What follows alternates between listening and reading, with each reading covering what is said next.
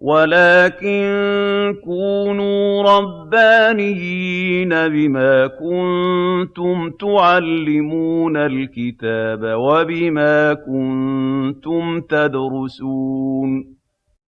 شيخ العمود وأهل العلم أحياء. إحياء علوم الدين. المحاضرة التاسعة عشرة. بسم الله الرحمن الرحيم.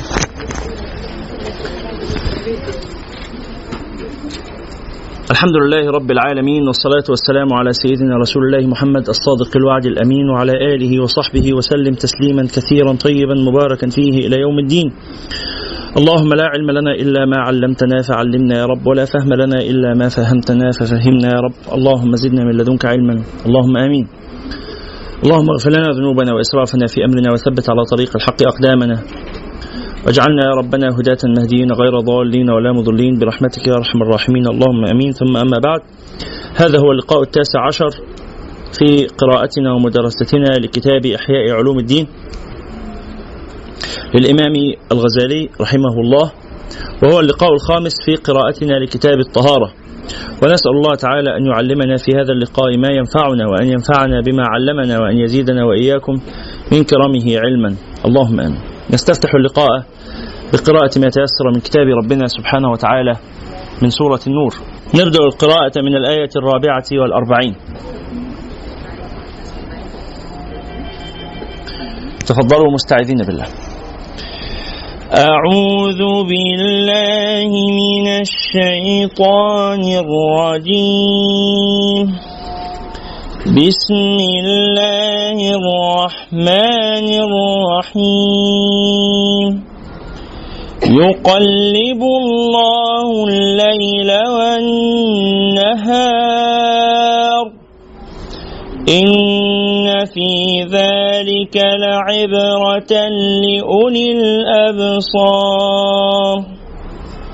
والله خلق كل دابة من ماء فمنهم من يمشي على أرض فمنهم من يمشي على بطنه ومنهم من يمشي على رجلين ومنهم من يمشي على أربع يخلق الله ما يشاء إن الله على كل شيء قدير. لقد أنزلنا آيات مبينات.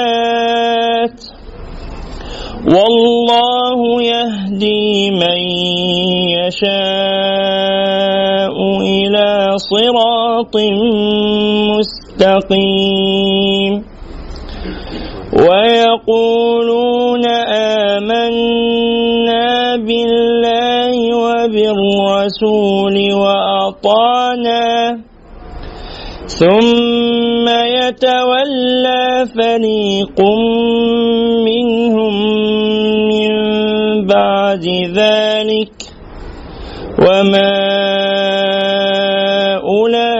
أولئك بالمؤمنين وإذا دعوا إلى الله ورسوله ليحكم بينهم إذا فريق منهم معرضون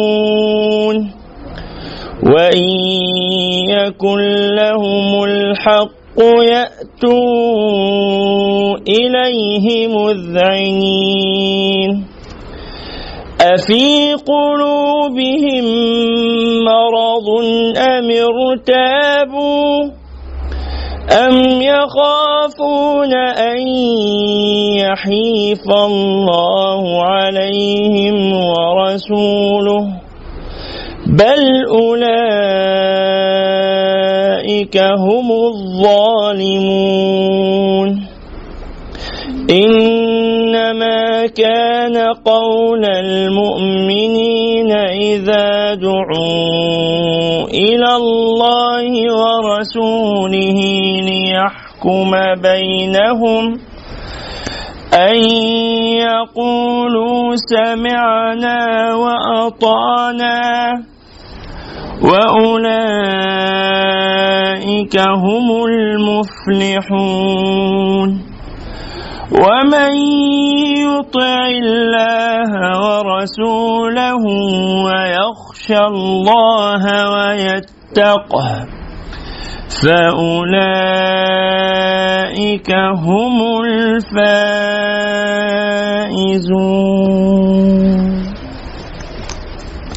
صدق الله العظيم وبلغ رسوله الكريم ونحن على ذلك إن شاء الله من الشاهدين. ونسأل الله تعالى أن يجعلنا وإياكم من أهل القرآن الذين هم أهل الله وخاصته. اللهم آمين.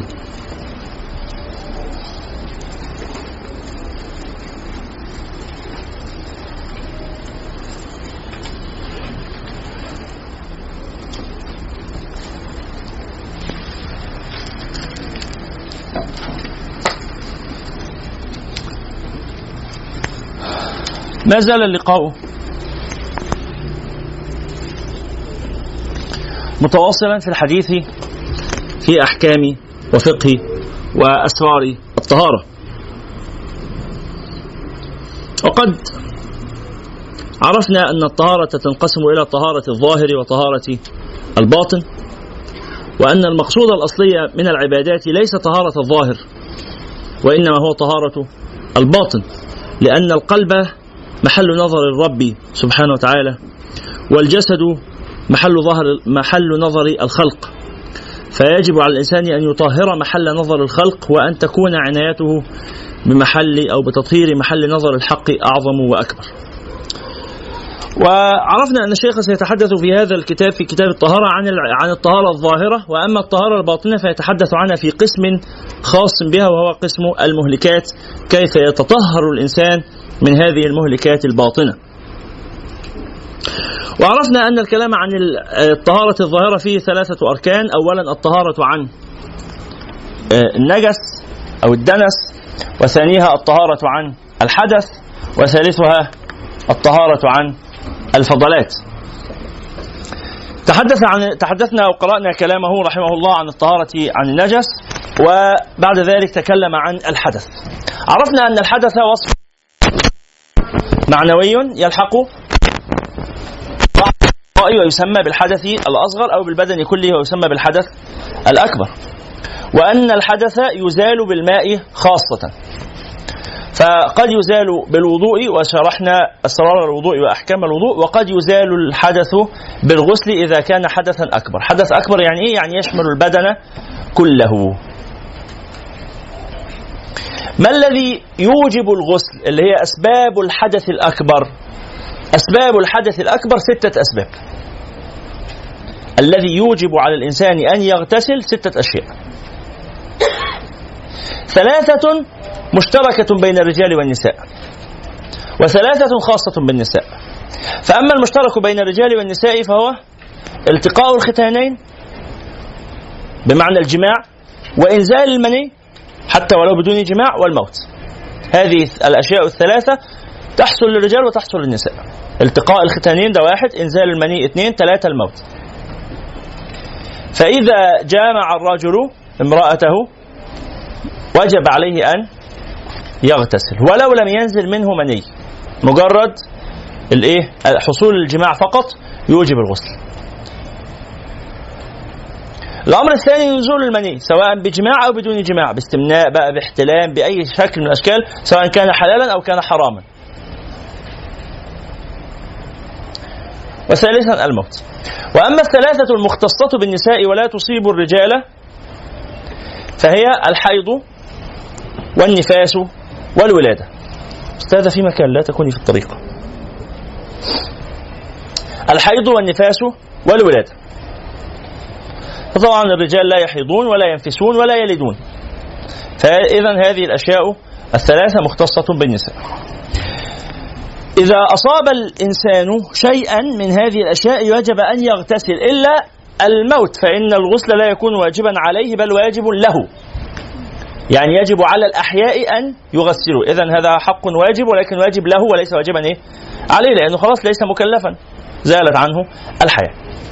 هيبدأ الشيخ رحمه الله يكلمنا دلوقتي عن الغسل كيف يكون. قال كيفية الغسل. إحنا خلصنا الغسل المرة اللي فاتت. طيب استغفر الله. آه أت... قرأنا التيمم؟ أيوه صح إحنا ختمنا اللقاء اللي فات ببيان عملي لكيفية التيمم وشروط التيمم صحيح. طيب جميل. بعد ذلك يتحدث إيه؟ تحدث عن إزالة النجاسات وتحدث عن إزالة الحدث. يبدأ عن آه، الكلام عن إزالة الفضلات. سيدي الحمد لله على السلامة. اقبل الإكرام وبعدين حركه شكرا لك. قال القسم الثالث من النظافة التنظيف عن الفضلات وهي نوعان أوساخ وأجزاء. النوع الأول الأوساخ والرطوبات المترشحة وهي ثمانية. الأول ما يجتمع في شعر الرأس من الدرن والقمل فالتنظيف عنه مستحب بالغسل والترجيل والتدهين إزالة للشعث عنه. واحد لو شعره جه فيه تراب ولا جه فيه بعض الحشرات طبعا الحمد لله في الزمان المعاصر آه، آه، في المدن أهل المدن يعني يتنزهون عن هذا بسبب سهولة أدوات التنظيف ووفرة المياه وبتاع. ولكن بعض الناس في بعض الأعمال الخاصة آه، في بعض المناطق في بعض الظروف المعيشية يعني يصابون بهذه الحشرات في رؤوسهم. فهل نقول إن إزالتها واجبة؟ قال إزالتها مستحبة. ينبغي على سبيل الإيه؟ لكن لو واحد صلى وفي شعره شيء من ذلك هل صلاته صحيحة ولا باطلة يا جماعة؟ وكلامنا عن استقامة الظاهر. أو عن طهارة الظاهر. إذا التنظف عن هذه الأشياء مستحب. انقل يا سيدي الكرام صليت على رسول الله؟ وكان رسول الله صلى الله عليه وسلم يدهن الشعر ويرجله غبا. يدهن الشعر أو يدهن الشعر يعني يضع فيه الإيه؟ الزيوت. يضع الزيت في شعره. ويرجله يعني يسرحه. بس خد بالك قال لي غبة يعني إيه غبة يعني قليلا. كانش يعمل كده كتير. ليه؟ لأن الإكثار في هذه الأشياء يحول الإنسان إلى إنه منعم بقى. ده قاعد ما راهوش غير يعمل لي شعره ويضفره ويحنيه ويسرحه وي... واقف قدام المراية طول النهار. فهذا آه، من دنو الهمة. فياخد باله من شعره آه بس على فترات يعني. الدرن يعني الأوساخ التراب الحاجات اللي زي كده. ويقول عليه الصلاة والسلام ادهنوا غبا هذا حديث لا يصح ولكن معناه صحيح. وقال عليه الصلاة والسلام من كان له شعرة فليكرمها. أيضا هذا الحديث لا يصح ولكن معناه صحيح. أي ليصنها عن الأوساخ. يعني اللي عنده شعر مش كل الناس عندها شعر. بس اللي ينبت له شعر في رأسه أو في لحيته أو بتاع ينظفه ويهذبه ويكرمه ويصونه عن الأوساخ. ودخل رجل عليه ثائر الرأس. ثائر الرأس يعني رأسه إيه؟ شعره هايش كده. أشعث اللحية. شكله؟ فالنبي عليه الصلاة والسلام لما رأى هذا قال أما كان لهذا دهن يسكن به شعره؟ هو طبعا النبي عليه الصلاة والسلام لو شاف بقى بعض الشباب واحد قريب قابلته وجيت اسلم عليه لم أستطع لأنه ما عرفتش اوصل لخده حقيقي. أنا مش عارف فجيت كده لقيت هواء دخلت شوية هواء دخلت شوية هواء ما عرفتش اوصل لحاجة فخرجت. ما خلاص ما مش لاقي حاجة. يعني هو شعره من كده وأنا مش عارف أقف فين. عشان حتى لا اذيه برضه ما هو ما ينفعش أبقى إيه بنطح كده ولا بضرب في وشه فمش عارف أعمل إيه. فباظ مننا المعانقة دي. هذا شيء عجيب جدا. فحكم الكلام ده إيه؟ مكروه ليس حراما لكنه مكروه ليس هيئة حسنة. من كان له شعر فليكرمه. أما كان لهذا دهن يسكن به شعره ثم قال يدخل علي أحدكم كأنه شيطان. شوف المنظر ده. منظر آه، مثير للاشمئزاز يعني. الثاني ما يجتمع من الوسخ في معاطف الأذن. اللي هو بيقولوا عليه الشمع. والمسح يزيل ما يظهر منه وما يجتمع في قعر الصماخ فينبغي أن ينظف برفق عند الخروج من الحمام فإن كثرة ذلك ربما تضر بالسمع. عارفين الأعواد دي اللي بيستعملوها؟ الأطباء يقولوا لما تستعملوا الأعواد دي استعملها في ظاهر الأذن واوعى تدخلها لجوه لأن الشمع اللي جوه ده حتى مفيد أصلا لأذنك. إلا بقى لو أنت حاسس إنك مش قادر تسمع أو بتاع إلجأ للطبيب يساعدك.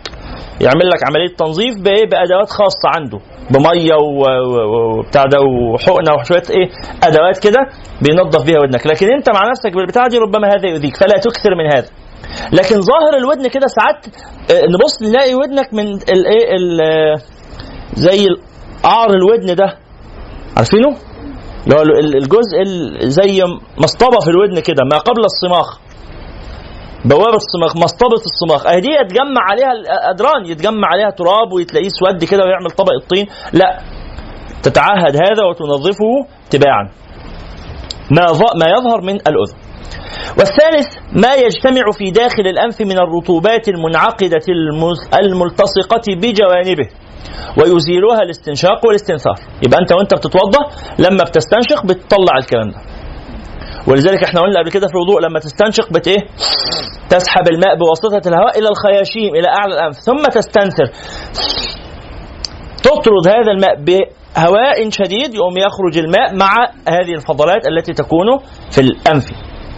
والرابع ما يجتمع على الأسنان وأطراف اللسان من القلح ويزيله السواك والمضمضة. فقد ذكرنا هما تستعمل السواك وقلنا مرة اللي فاتت السواك أو فرشة والمعجون نفس المعنى. يستحب استعمال الفرشة والمعجون شرعا. ده مش بس عادة صحية بابا وماما علمونا عليها عشان نبقى نضاف. ويعني أنا آسف اللي هقوله ده بس من بحضر الأيام دي لدورة جديدة كده في مسألة الأزواج والزوجات وبتاع الإعداد يعني للزواج.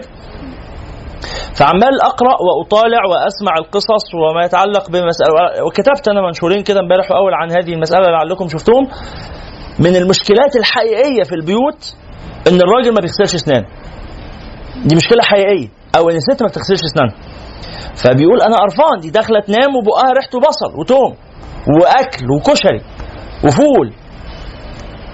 وهي تقول طب ما أنا مش واخدة بالي ما أنا مركز لا تركزي يا أختي الله يخليك. ركزي. ركزي ما تتعبيش الراجل معاك. وأنت نفس الكلام ما تبقاش داخل بعبلك بريحتك بعرقك باللي كنت بيه في الشارع وتتقلب كده. اهو تبقى قاعدة هي قرفانة من نفسها عايزة تنام تحت السرير ولا تعمل إيه دي؟ في ناس بتشوف إن الحاجات دي من لا لا ده النبي عليه الصلاة والسلام النبي عليه الصلاة والسلام يقول لولا أن أشق على أمتي لأمرتهم بالسواك عند كل صلاة. خمس مرات في اليوم تغسل أسنانك. طبعا إحنا بنقول بلاش خمس مرات على الأقل أول ما تصحى ولما تيجي تنام وبعد الأكل. معاك فرشة صغيرة كده ولا أي حاجة؟ بعد ما تاكل تنظف إن لم يكن يا سيدي على الأقل لبان حتى. لبان وده يعني ما هوش غالي. أو غالي يعني على حسب. خلاص؟ طيب. يبقى ينظف الفم وينظف الأسنان لتطيب الإيه؟ الرائحة. والخامس ما يجتمع في اللحية من الوسخ والقمل إذا لم يتعهد ويستحب إزالة ذلك بالغسل والتشريح والتسريح بالمشط.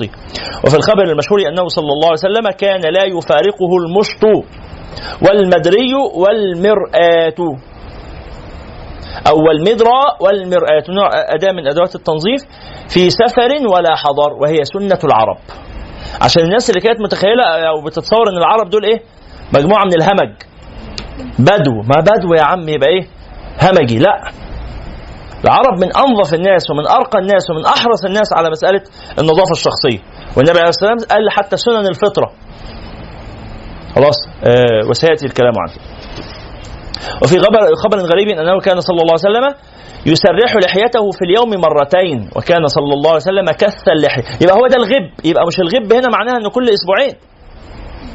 يبقى النبي عليه الصلاة والسلام وضح لك قال لك ما تكترش. خلاص؟ بس ما تقللش. إنما بالمعقول. بالمعقول اللي هو إيه؟ النبي تطبيقه العملي مرتين في اليوم. لدرجة إنه كان صلى الله عليه وسلم معتكف. خلاص؟ وبعدين كان إيه؟ يطلع دماغه كده وهو قاعد في المسجد ما ينفعش يسيب المسجد عشان معتكف فكان يطلع دماغه كانت حجرة السيده عائشة جنب المسجد على طول. ملاصقة نفس الجدار. في باب مفتوح من حجرته إلى المسجد. فكان يمد راسه كده عشان يدخلها في إيه؟ الحجرة ف ترجل له شعر رأسه تتسرح له رأسه. للتنظيف والإيه وتطيب الشكل. وكان صلى الله عليه وسلم كث اللحية وكذلك كان أبو بكر وكان عثمان طويل الرحلة اللحية رقيقها وكان على علي عريض اللحية قد ملأت ما بين من كبيه النبي عليه الصلاة والسلام كانت لحيته إيه؟ كانت لحيته مسترسلة نازلة كده. و, و ب... آه... كان يقبض على لحيته ويقص ما زاد على القبضة. صلى الله عليه وعلى آله وصحبه وسلم. فكانت لحيته زي نص مربع. فهمتوا الشكل؟ نازله مسترسلة ومش نازله بمثلث كده لا مقفولة متساوية ومساويه لايه؟ لحدود خده صلى الله عليه وعلى آله. سيدنا أبو بكر كانت لحيته مثل لحيه النبي صلى الله عليه وسلم. سيدنا عثمان كان طويل اللحية رقيقها يبقى لحيته نازلة مثلث كده ورفيعة وطويلة لتحت فاهمين المسألة دي سيدنا علي لا لحية كان شعره خشن شوية فكانت لحيته تطلع للجنب. ولتحت برضه بس للجنب. كتير قوي. فكان حتى لما يقبض ويقص ما زاد على القبضة بتبقى بالشكل ده مدورة كده. ولذلك إيه؟ كان كانت هيئة وجهه تشبه الأسد إن الشعر يحيط بها من كل جانب. رضي الله تعالى عنه. ومع ذلك وما كانش يطولها قوي كان ينهى عن تطويل اللحية. فلازم إيه؟ يقص ما زاد على القبضة زي ما قلنا فتبقى في الحدود دي. فهذه لحيتهم. رضي الله عنه. وفي حديث أغرب منه قالت عائشة رضي الله عنها اجتمع قوم من باب رسول الله صلى الله عليه وسلم. قالت عائشة رضي الله عنها اجتمع قوم قوم باب رسول الله صلى الله عليه وسلم. فخرج إليهم فرأيته يطلع.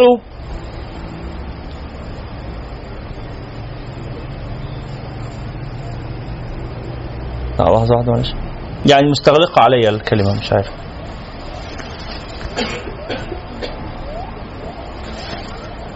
مستغلقة فنتجاوزها يعني. إن فتح لأحد منكم فيها فهما.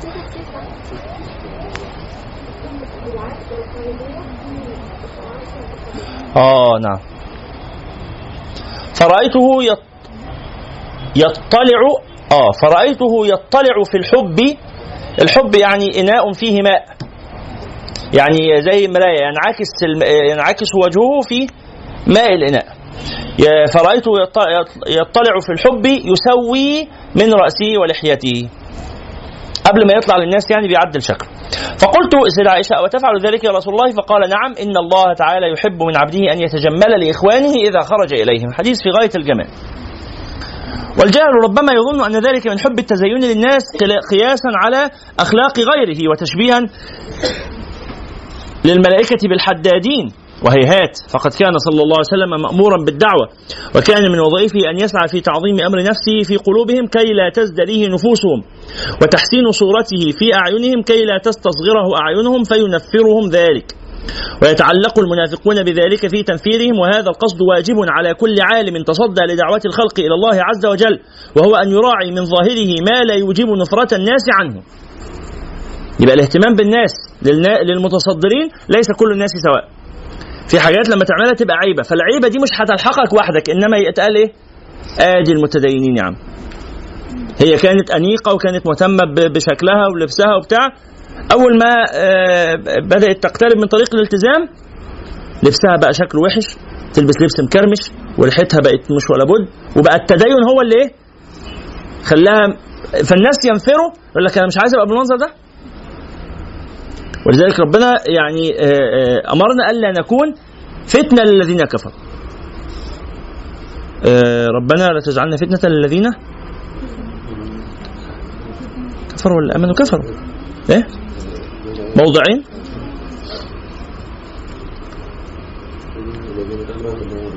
إيه؟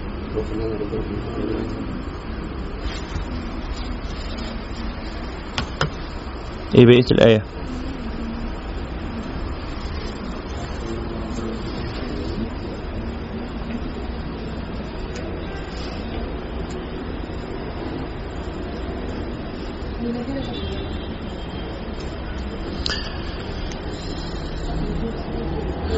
ربنا لا تجعلنا سورة الممتحنة ربنا لا تجعلنا فتنة للذين كفروا. واغفر لنا ربنا إنك أنت العزيز الحكيم.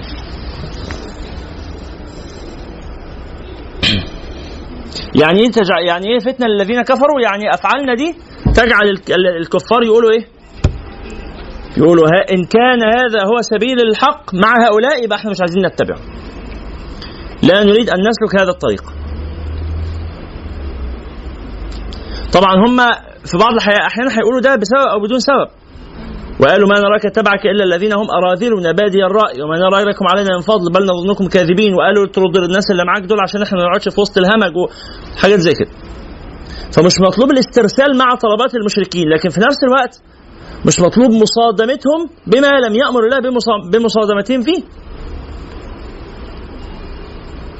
فإذا النبي صلى الله عليه وعلى آله وصحبه وسلم كان يتزين للناس تعظيما من شأنه في أعينهم لأن هي دي الطريقة اللي هم بيقيموا بها الناس بالوضاءة والجمال وما إلى ذلك تشبيها الملائكة بالحدادين؟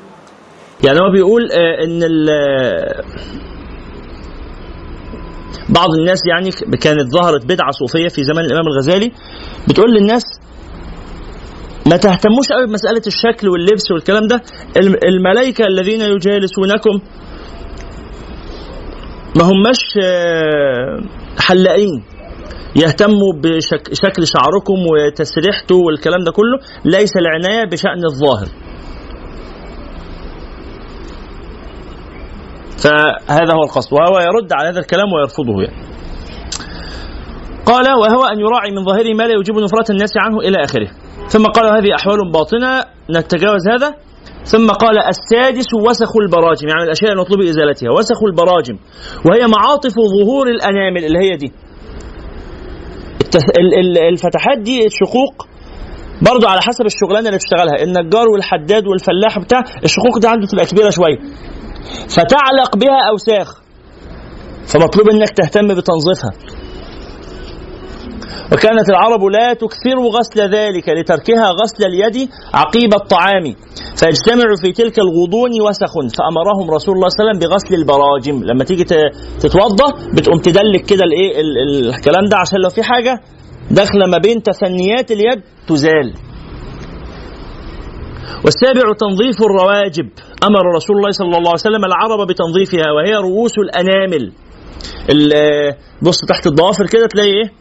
اوساخ ولذلك النبي صلى الله عليه وسلم قال تنظفوا الكلام ده وتقص ضفرك عشان الضفر ما يلمش تحته الوسخ فتبص على الضفر تلاقيها سودة أو ما تحتها أسود قبيح. قال آه وهي رؤوس الانامل وما تحت الأظفار من الوسخ لأنها كانت لا يحضرها المقراض في كل وقت فيجتمع فيها أوساخ. الأستاذة في الطريق لو سمحتي؟ أستاذة في الطريق وسعي الطريق. كوني هنا.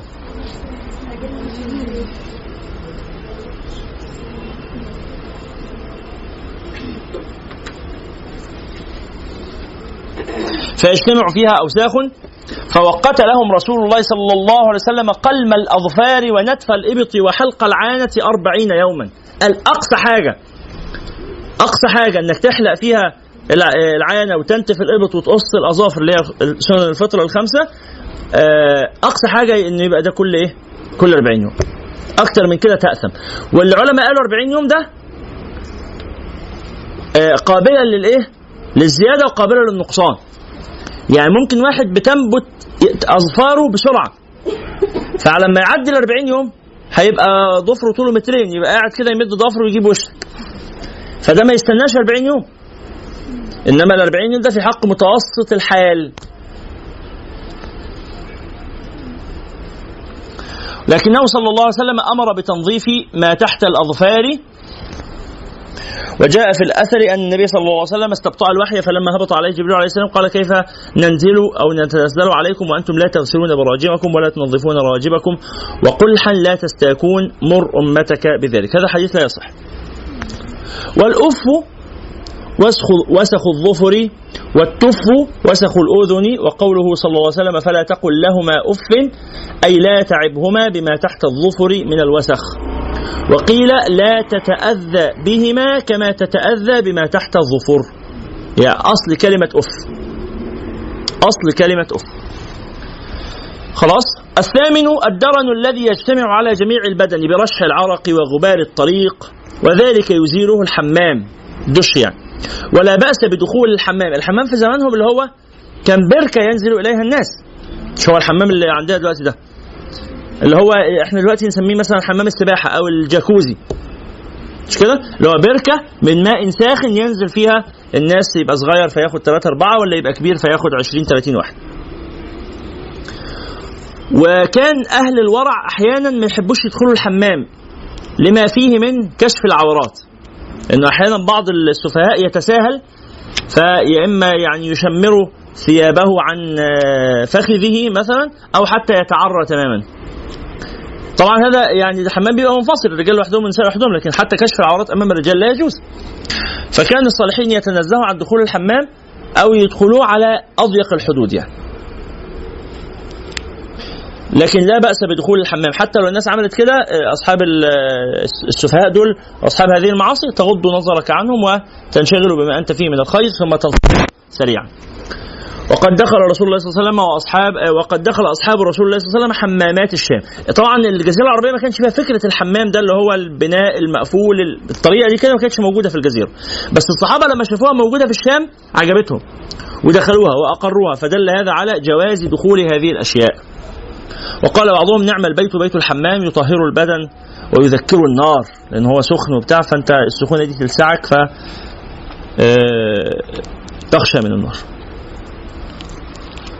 طبعا لو واحد جه قال بس أنا والله لا أفضل أن أذهب إلى اللي موجود في زماننا ده اللي هو السبا و موجود اسمه كده حمام برضو التلات وحمام السلطان والحاجات الموجودة دي. من أراد التنزه رجلا كان أو امرأة التنزه عن الذهاب إلى مثل ذلك لكان أولى لأن في زماننا أصبح يمكن التنظيف في المنزل. يمكن التنظيف في المنزل وتحقيق النتائج التي يحققها الحمام الآخر هذا. لكن من أراد أن يذهب إليه فلا بأس ولا إشكال في هذا. وقال بعضهم بئس البيت بيت الحمام يبدي العورة ويذهب الحياء. فهمتم هذا؟ اللي إحنا اتكلمنا عنه من شوية. قال فهذا تعرض لآفته أو فهذا تعرض لآفته وذاك تعرض لفائدته. ولا بأس بطلب فائدته عند الاحتراز من آفته. أو ده ضابط عام. كل ما كان فيه فائدة وآفة يجوز إيه؟ يجوز تحصيل الفائدة إذا كنت ستحترز عن الآفة وتتجنب الآفة. ولكن على داخل الحمام وظائفه من السنن والواجبات فعليه واجبان في عورته وواجبان في عورة غيره. أما الواجبان في عورته فهو أن يصونهما عن نظر الغير ويصونها عن مس الغير. أنتوا عارفين في الحمام بيبقى فيه دلك بيبقى فيه آه، بيسموه كبس. بيبقى فيه آه، تنظيف الراجل المنظف اللي في الحمام ده بي بي بيدوس كده آه، على على الظهر وعلى البدن ويوصفه ده في الكتب. وأنا لم أذهب إلى يعني مثل هذا ابدا في حياتي لكن نقرأ كده في الوصف. إنه كان يخرج من الجلد فتل. ها؟ من الإيه؟ من الوسخ المتصل يفتله يعني من الدوران ودي مسألة لو أنتوا جربتوا أي حد فيكم لو جرب ينظف آه، نفسه على الناشف من غير آه، مية هيلاقي الفتل دي طالعة في إيده. آه، لو جربت مثلا في رأسك أو في وجهك أو في يدك أو كده مش جر... تجرب ساعات تفرك كده تلاقي دوائر أو أو فتل هذا القصد بس هو بيعمل كده في ظهرك بقى لأنك أنت بنفسك تقدرش تدلك ظهرك أو تنظفها بهذه الطريقة. فهو يعمل الحاجات دي. فتاخد بالك لما هو يمس... يدلكك أو ينظفك أو كده ألا يمس عورتك وألا ينظر إليها. ويمنع الدلاك من مس الفخذ. وما بين السرة إلى العانة. وفي إباحة مس ما ليس بسوءة لإزالة الوسخ احتمال. يعني إيه حكم ان هو يمس مش هيمس السوء اللي هي ال- ال- الذكر أو الفرج مثلا المدلكة اللي البنات ساعات لما يروحوا هذه الأماكن يدخلوا لابسين البكيني. هذا لا يجوز. طب ليه ما إحنا اللي قاعدين كلنا بنات؟ ما إحنا قلنا قبل كده عورة المرأة أمام المرأة ما بين السره والركبة. صح؟ اتكلمنا عن ده قبل كده. اتكلمنا عنه في إيه؟ المرة اللي فاتت. والحنة بقى والكلام اللي بيحصل فيها ده كله. فيبقى اذا يأمر المدلك إن هو ما يمسش هذه الأماكن. طب إيه بقى حكم إن هو يمس هذه الأماكن بقصد التنظيف؟ لا بقصد التنعم مش عشان الرفاهية. لكن هي عايزاها تنظف لها مثلا جسمها آه، سؤال متكرر من البنات على مسألة الليزر. إزالة الشعر الزائد في هذه المنطقة؟ ما بين السره والركبة وفي منطقة البكين. اولا ما بين آه، ما فوق السره وما تحت الركبة جائز لا إشكال فيه. طالما اللي هتزيل الشعر دي امرأة خلاص مفيش أي وجه للإيه؟ للحظر ولا للمنع ولا للاشكال خلاص ما فيش مشكلة. لكن لو ما بين السرة والركبة لا هذا لا يجوز. ما بين السرة والركبة لا يجوز. طب بس هي ما بتعرفش تنظف نفسها. تحاول. تجتهد بقدر الإمكان. في وسائل في زماننا هذا أصبحت الوسائل كثيرة جدا. تب بالبحث والتقصي ومع سؤال الخبيرات من صديقاتها. تبحث عن الوسيلة المناسبة لها وتزيل بنفسها شعر ما بين السرة والإيه؟ والركبة. طيب لا ده مش قادرة خالص والمساله حياة أو موت وهي متجوزة وهتطلق بسبب يعني بشاعة المنطقة دي ولا هي بيوصل الموضوع ده انها بتجرح نفسها أو حاجة زي كده؟ نقول جائز اضطرارا. بس لما يبقى الموضوع فعلا اضطرار مش استسهال. لو فعلا المساله اضطرارية وخطيرة إلى هذه الدرجة يبقى يجوز. ولو فعلتها بوسيلة آه، يعني تختار بقى أكتر وسيلة تخلي ال- إيه الموضوع ده ما يحتاجش مرات متعددة. يعني في وسيلة تؤدي إلى ظهور الشعر مرة أخرى في وقت قريب. لا هي تدور على حاجة حتى لو أغلى شوية لو تقدر عليها فليكن الليزر أو غيره آه، وتزيل هذه الشعر. بس ما منطقة البكيني لا. يبقى اذا ما بين السره والركبة يجوز للضرورة. أما الفرج النظر إلى الفرج لإزالة ما عليه من الشعر فهذا لا يجوز. لا يجوز. إلا في حالة الضرورة الطبية بقى. إنه لا ده المسألة بقت فيها إيه؟ حرج طبي ده في خطر على حياتها ده في مرض. ممكن. في حالة مثلا التهابات ولا الدكتورة لما بتكشف كشف النساء وكده هذا جائز. يبقى النظر إلى الفرج بسبب ال- ال- المرض الطبي أو بسبب الاحتياج الطبي أو الضرورة الطبية أو كده الاحتياج الطبي أو الضرورة الطبية جائز. لكن من غير ذلك بسبب الترفه هذا لا يجوز. واضح هذا؟ نعم. لو لقيت واحدة ما تعرفش إنه لا يجوز واجب عليا أعرفها. طبعا واحدة ما تعرفش نعرفها. واحدة ما تعرفش نعرفها صليتوا على رسول الله؟ صلى الله عليه وعلى آله وصحبه. وسلم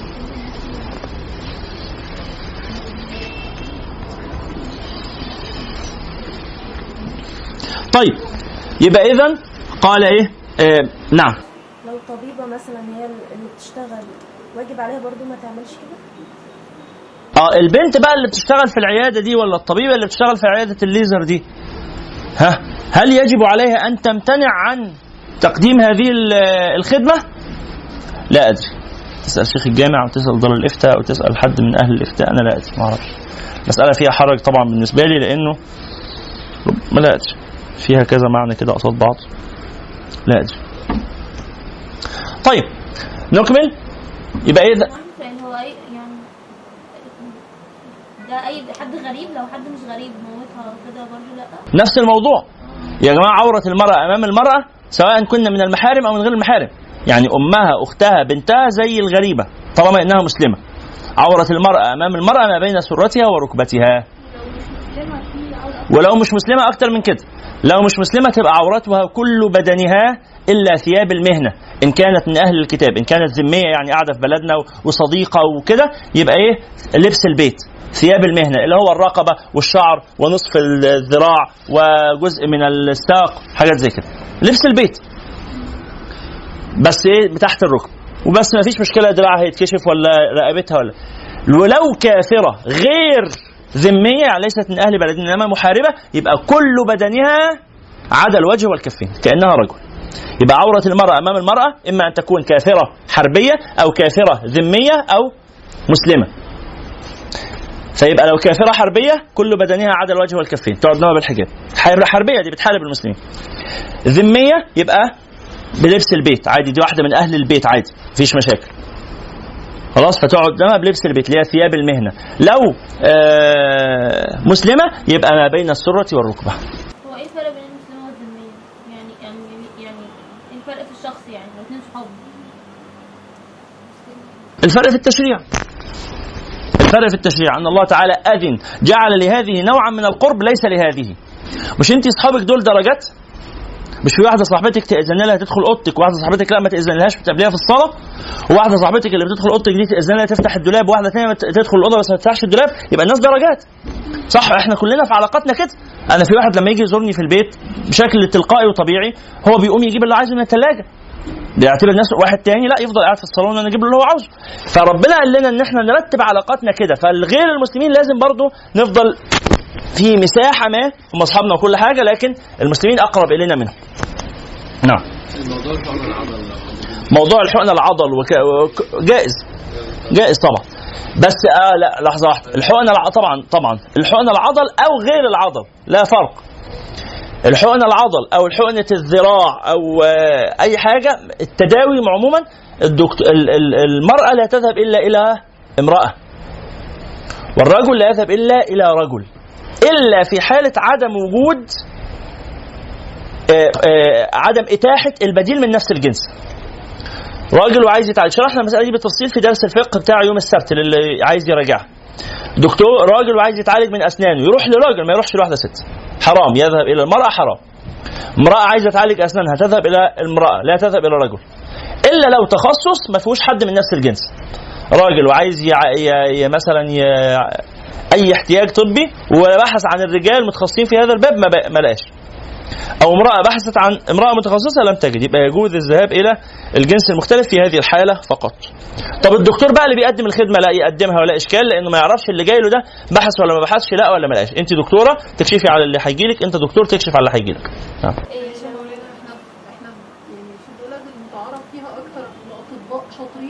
يعني مش نساء. كلام فارغ وشرحنا الكلام ده قبل كده بالتفصيل ويراجعه. إحنا قعدنا نشرحه ساعة إلا ربع. كلام فارغ ده كلام بيحصل ما هو فارغ برضه أنا عارف إنه بيحصل هو فارغ. شرحناه؟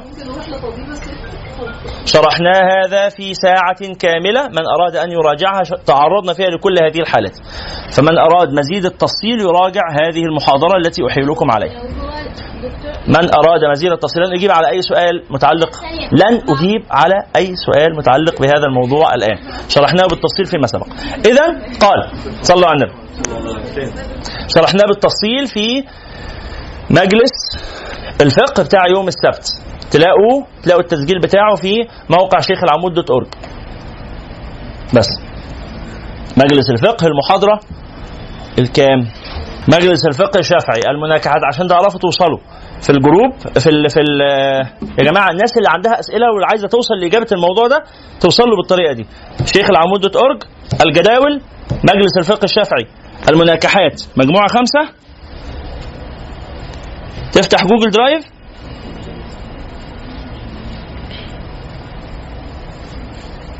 أو SoundCloud هتلاقي المحاضرة في كتاب المناكحات رقم 56 المحاضرة السادسة والخمسون. شكرا جزيلا. سؤالي في موضوع عمل تكتشف عورة اللي بياخد؟ مسائل العورة كلها شرحناها هناك بالتفصيل فليراجعها من أراد. قال والواجبان في عورة الغير أن يغض بصر نفسه عنها وأن ينهى عن كشفها. لما تلاقي حد كشف عورته تقول له إيه؟ استر عورتك. طب لا ده افرض أنا في مكان يعني هم في الحمام السباحة البنت بتقول الله رحت حمام السباحة في الوقت المخصص للنساء بنات كتير قوي قالعين ولا داخلين بالبكيني. ما هذا حرام لا يجوز. خلاص؟ لأنه بيظهر ما بين السرة والركبة. طب بنت هقعد بقى أقول للبنات كلهم؟ لا ما واجبش لا يجب أمر كل هؤلاء. إلا لو واحدة فيهم تعرفين أنها ستستجيب لايه نصحك أو هي عارفاك أو بتاع تقول لها هذا لا يجوز.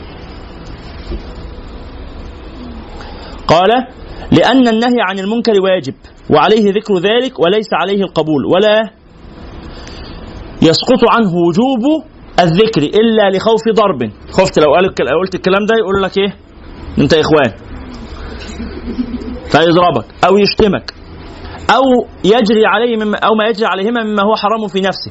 فليس عليه أن ينكر حراما يرهق يرهق, يرهق المنكر عليه إلى مباشرة حرام آخر. فأما قوله آه، أعلم أن ذلك لا يفيد ولا يعمل به فهذا لا يكون عذرا بل لا بد من الذكر. فلا يخلو قلب عن التأثر بسماع الإنكار. فلا يخلو. شوف هذه الكلمة الجميلة. قال فلا يخلو قلب وهيشرح الكلمة دي بالتفصيل في كتاب الأمر بالمعروف والنهي عن المنكر. إن شاء الله نصل إليه. في قسم المعاملات. لا يخلو قلب عن التأثر بسماع الإنكار. يعني حتى مهما تقول إن أنت مش فارق معاك الناس هيظل إيه؟ كلامهم بيفرق معاك. كلامهم بيأثر فيك. ولذلك مطلوب إن إحنا ننكر المنكر حتى لو أنت حاسس إنه مش مفيد. لا يخلو قلب من التأثر بسماع الإنكار. واستشعار الاحتراز عند عند التع- التعيير بالمعاصي وذلك يؤثر في تقبيح الأمر في عينه وتنفير نفسه عنه فلا يجوز تركه. وذكر في هذا كلاما كثيرا. وأما السنن فعشرة. فالأول دي سنن دخول الحمام اللي هو حمام السباحة اللي هو الجاكوزي اللي هو السبا اللي هو كل الحاجات دي. والسنن عشرة. الأول النية وهو ألا يدخل الحمام لعاجل الدنيا ولا عابثا لأجل هوى بل يقصد به التنظف المحبوب تزيينا للصلاة. ثم يعطي الحمامية الأجرة قبل الدخول لو تقدر تحاسب قبل كده. فإن ما يستوفيه مجهول وكذا ما ينتظره الحمامي فتسليم الأجرة قبل الدخول دفع للجهالة من أحد العوضين وتطيب لنفسه. أنت مش عارف إيه الخدمات اللي أنت هتعملها جوه. حمام مغربي لا حمام تركي لا معرفش ب- يحط الطين تنظيف بالبخار يعني إيه؟ خدمات متعددة. فيستحب إنك تدفع الأول. بدل ما أنت عمال تطلب تطلب تطلب وممكن حد فيهم يشك. هو بعد اللي بيطلبه ده كله هيبقى معاه يدفع بقى ولا كده؟ فتطيب خاطره. مستحب مش واجب. ثم يقدم رجله اليسرى عند الدخول ويقول بسم الله الرحمن الرحيم أعوذ بالله من الرجس النجس الخبيث المخبث الشيطان الرجيم. ثم يدخل وقت الخلوة أو يتكلف تخلية الحمام. يعني ما تروحش في الوقت الزحمة دور على وقت يكون العدد إيه؟ قليل. أو لو تقدر تفضي المكان كله ليك. لو معاك فلوس. ما معكش خلاص تدخل مع الناس بس تبحث عن وقت الايه الفراغ فإنه وإن لم يكن في الحمام إلا أهل الدين والمحتاطون للعورات يعني افرض كل الناس ستر عورتها برضه ما تروحش في وسط الزحمة. طب ده كلهم أصحابي وكلهم ناس محترمة وناس متدينة ومش هينظروا إلى عورتي ومش هكشف عورتي قدامهم. برضه قال فالنظر إلى الأبدان مكشوفة فيه شائبة من قلة الحياء. ولذلك في واحد من مشايخنا كان ما لبس في حياته قميصا بنصف كم وكان يستنكف من هذا استنكافا شديدا. نص كم وأظهر قدام الناس كده بنص كم ده حاجة نص كم ده حاجة نص كم قوي. خلاص فضلا عن طبعا الظهور بذراع مكشوفه كاملة. فده من باب الأدب من باب الحياء شكرا. قال ويغسل جناحيه عند الدخول اللي هو إيديه يعني. ولا يعجل بدخول البيت الحار حتى يعرق في الأول. كان الحمام مرحلتين. الساونا اللي هي البيت الحار وقبله آه، آه، في آه، يعني زي إيه غرفة تغيير ملابس أو تنظيف تنظيف ما قبل البخار. فيقول خليك في الأولاني لغاية لما درجة حرارة جسمك تتغير لغاية لما تعرق قوم ادخل على الثاني نصيحة طبية. عشان ما يحصلكش إيه صدمة عصبية أو حاجة قال والا يكثر صب الماء بل يقتصر على قدر الحاجة فإنه المأذون فيه بقرينة الحال والزيادة عليه لو علمه الحمامي لكرهه ولا سيما الماء الحار فله مؤنة وفيه تعب. المية السخنة دي اللي أنت عمال تستسهلها ما دي ب... ب...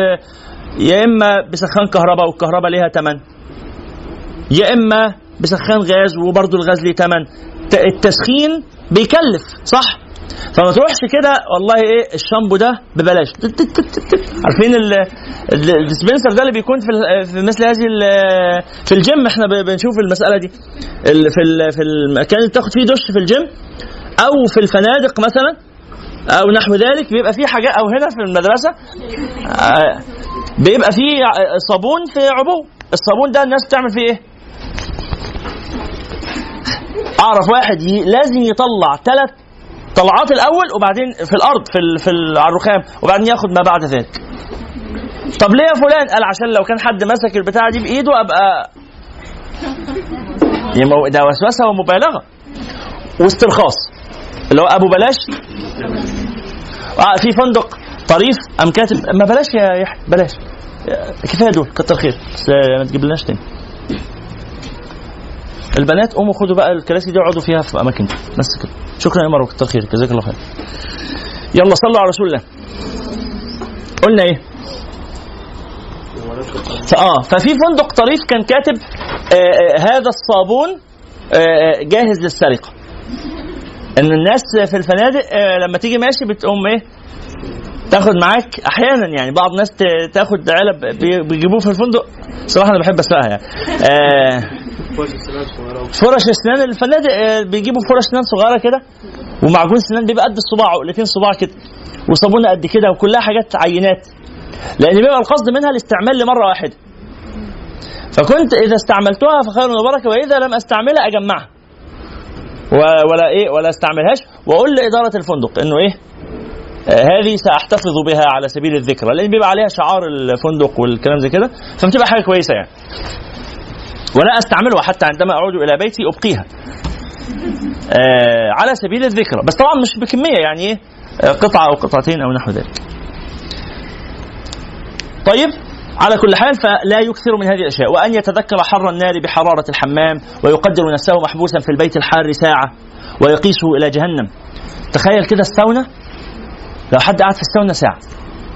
الساونا الجافة. يا دي يعني قاتلة أخرك. 10 دقائق ربع ساعة ولازم تخرج. تخيل إنك اتحبست هناك شهر. شهر. إن يعني لم تمت فعلى الأقل ستصاب بأزمات صحية غير عادية. صحيح ولا إيه؟ فالنار أشد من ذلك وأخبث. نسأل الله السلامة والعافية.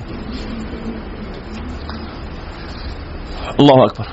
فإذا دخل بزاز ونجار وبناء وحائك دارا معمورة مفروشة فإذا تفقدهم رأي- تفقدتهم رأيت البزاز ينظر ينظر إلى الفرش ويتأمل قيمتها. البزاز اللي هو ال- الحائك. لا البزاز اللي هو اسمه إيه؟ تاجر القماش. عذرا. تاجر البز القماش يعني.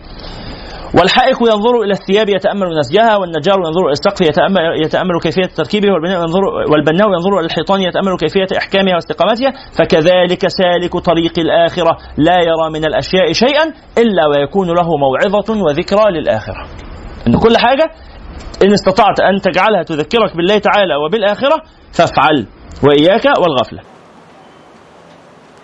حضرتك هو القياس بتاع الساونا وال- وحر نار جهنم. هو قياس حاسة فيه نكد شوية يعني هو الواحد بيبقى رايح يعني اللي هو يعني يروح عن نفسه. ما هو هو ده بالظبط النية اللي هو قال لك ما تدخلش بيها.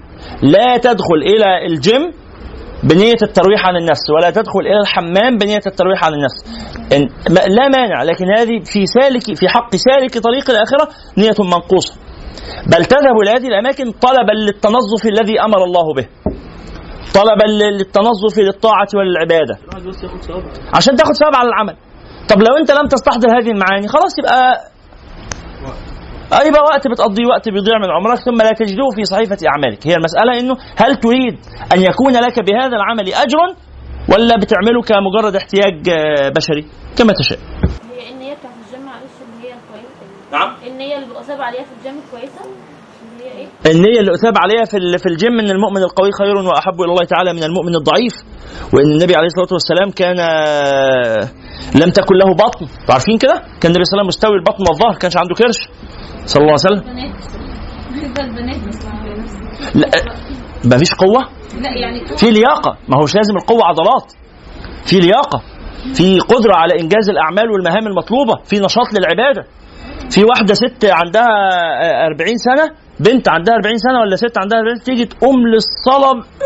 ساعدوني يا أولاد. وفي واحدة ثانية عندها 80 سنة. واقفه الله أكبر تصلي تركع تسجد. إيه ده يا عم بالراحة. في واحد معانا بيصلي الفجر والله الله أكبر عليه. أنا المسجد عندنا مسجد عجيب جدا. قبل صلاة ال... قبل أذان الفجر بساعة بيكون الصف الأول مليان. في منطقتنا. خلاص؟ قبل قبل ما الفجر يأذن بساعة لازم ما أنا والله النهارده رحت قبل أذان الفجر بنص ساعة قلت أتعمد أحاول ألاقي لي فرجة ألحق بيها مكان في الصف الأول ما لقيتش. وكان باقي نص ساعة للاذان بيقعدوا في الصف آه. بيملأوا الصف الأول كلهم في إيديهم مصاحفهم ومالين الصف الأول. ومسجد كبير الصف الأول ده اتساع يعني يشمل عدد كبير من الناس. تروح المسجد بدري بس بيقعدوا في أي حتة؟ لا. لا هو عندنا هو النظام كده. هو رايح عشان الصف الأول. فإلا ثلاثة بيقعدوا على الكراسي اللي ورا لأنه ما يقدروش يقعدوا على الأرض بس اللي بيقعدوا على الأرض بيملوا الصف الأول. والله حاولت النهارده ألاقي فرجة كده فيش خالص. فالناس دي عندها همة وعندها نشاط في العبادة لم يكن ليحصل لهم إلا. لأنه جسمهم فيه لياقة. فالإنسان إذا امتلك هذه اللياقة البدنية ده يبقى محمود بذلك شرعا. نعم. والشيخ آه، الباشمهندس أيمن كان عامل آه، آه، فيديو كده عن الأربعين الرياضية. لمن أراد ان هو يراجعه. نعم يا راني النية بتشوف في الأعمال مثلا الروتينية اتكلمنا عن النية قبل كده بالتفصيل فمن أراد أن يراجعها فليفعل. خلاص؟ قال قال عدد آخر من السنن المهمة. قال من السنن ألا يسلم عند الدخول وإن سلم عليه لم يجب بلفظ السلام. لم يجب بلفظ السلام. حد قال لك السلام عليكم؟ قل له أهلا تفضل. أو إن أحب يقول عافاك الله. ولا بأس بأن يصافح- الداخل ويقول عافاك الله لابتداء الكلام ثم لا يكثر الكلام في الحمام. لأن إحنا مش رايحين نلعب هو هو ده القصد. مش مكان لعب. ده مكان إحنا داخلين للتنظف فنخلص اللي ورانا ونمشي هل ده ينطبق على على الجيم اللي بيكون فيه لا الجيم حاجة تانية. آه طبعا. ينطبق على الساونا أنا أنا أنا عارف الساونا وال- والجاكوزي وكده لم أذهب إلى الاسبا وإنما ذهبت إلى الجيم. فعرفت ذلك منه هذه الأشياء في ال gym ال gym فيه مساحة للرياضة ومساحة للإيه؟ للترفه. هذه الأشياء لما الواحد يدخل هذه الأشياء بعد الجيم يدخلها على سبيل التنظيف. لأن إيه؟ بيبقى لسه عنده بعدها شغل ولا خارج في هيعمل أي حاجة ولا مش عايز يلبس هدومه على العرق فيدخلها تنظيفا مش ترفها. ولذلك يخلص اللي عايز يعمله فيها ويتوكل على الله يخرج يشوف مصلحته. يعني نفس الكلام. نفس الكلام. آه، لا بأس لكن لا نكثر الكلام. السلام عليكم يا جماعة. عشان ما يحسوش بوحشة. إن أنا مقطعاهم السلام عليكم. وخلاص ولا أكثر الكلام. أو نقول ربنا يعينكم. أو نقول آه نعيما. أو نقول أي لفظ من الألفاظ. نقول مثلا آه إيه؟ نقول عاش نقول وحوش نقول آه متجم... لا مش متجمعين عند النبي. هو القصد إنه ما نقولش حاجة فيها ذكر لله, لله تعالى لأن السياق مش ولا بد. أنتوا عارفين زي واحد جاي يشرب الخمر؟ بسم الله الرحمن الرحيم وبدأ يشرب خمر. ده إيه ده بقى؟ يبقى ذكر اسم الله لا يناسب أن يكون في كل موضع. مش كل حاجة بتسمي عليه. أنت بتسمي على الأشياء الحسنة فقط. ده شيء زي دخول الحمام كده.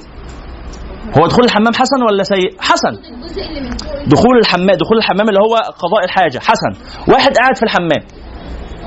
لما ادخل أقول له السلام عليكم. يقول له عليكم السلام اتفضل. السياق ده يسمح؟ السياق لا يسمح. يبقى أنا داخل يا إما ما ما اسلمش إحنا قلنا قبل كده في كم؟ في ست مواضع يستحب فيها عدم السلام. ست مواضع يستحب فيها عدم السلام. نذكرها بالتفصيل لاحقا إن شاء الله.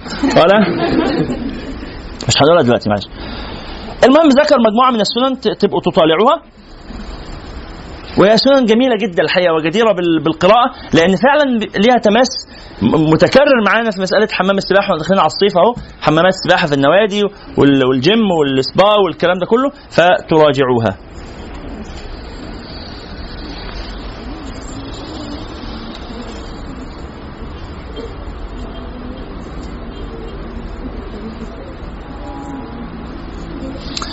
ثم قال إن النوع الثاني النوع الثاني مما كاتب ويكره للراجل ان يعطي للمراه حق اجره الحمام فهو يعينها على مكروه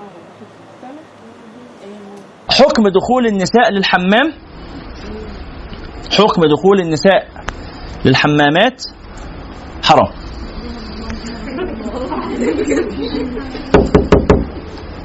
حرام إن خشيت أن يطلع على عورتها أحد.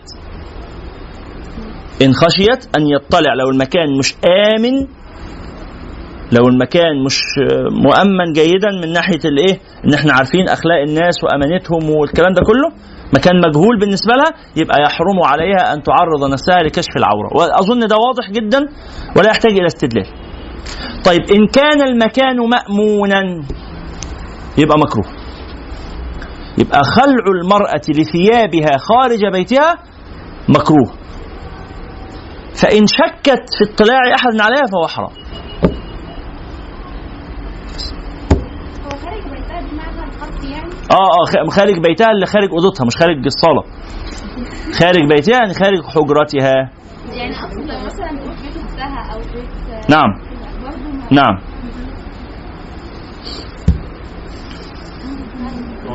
زي ما قلنا ده كان في نص في الفقه الشافعي بيقول إلا النساء نصف.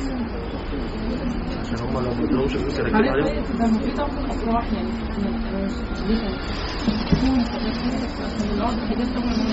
آه طبعا. يستحب.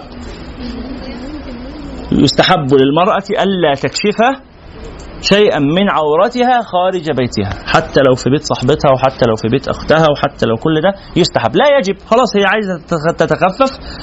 طبعا الناس تقول أيوه طالما خلاص طالما لا يجب إحنا اديني في المكروه ده وسع منه. أنا يعني أنا نفسي في المكروه أصلا أنا بعمل إيه غير المكروهات؟ أنا أدور عليه أول ما يطلع مكروه أعمله على طول.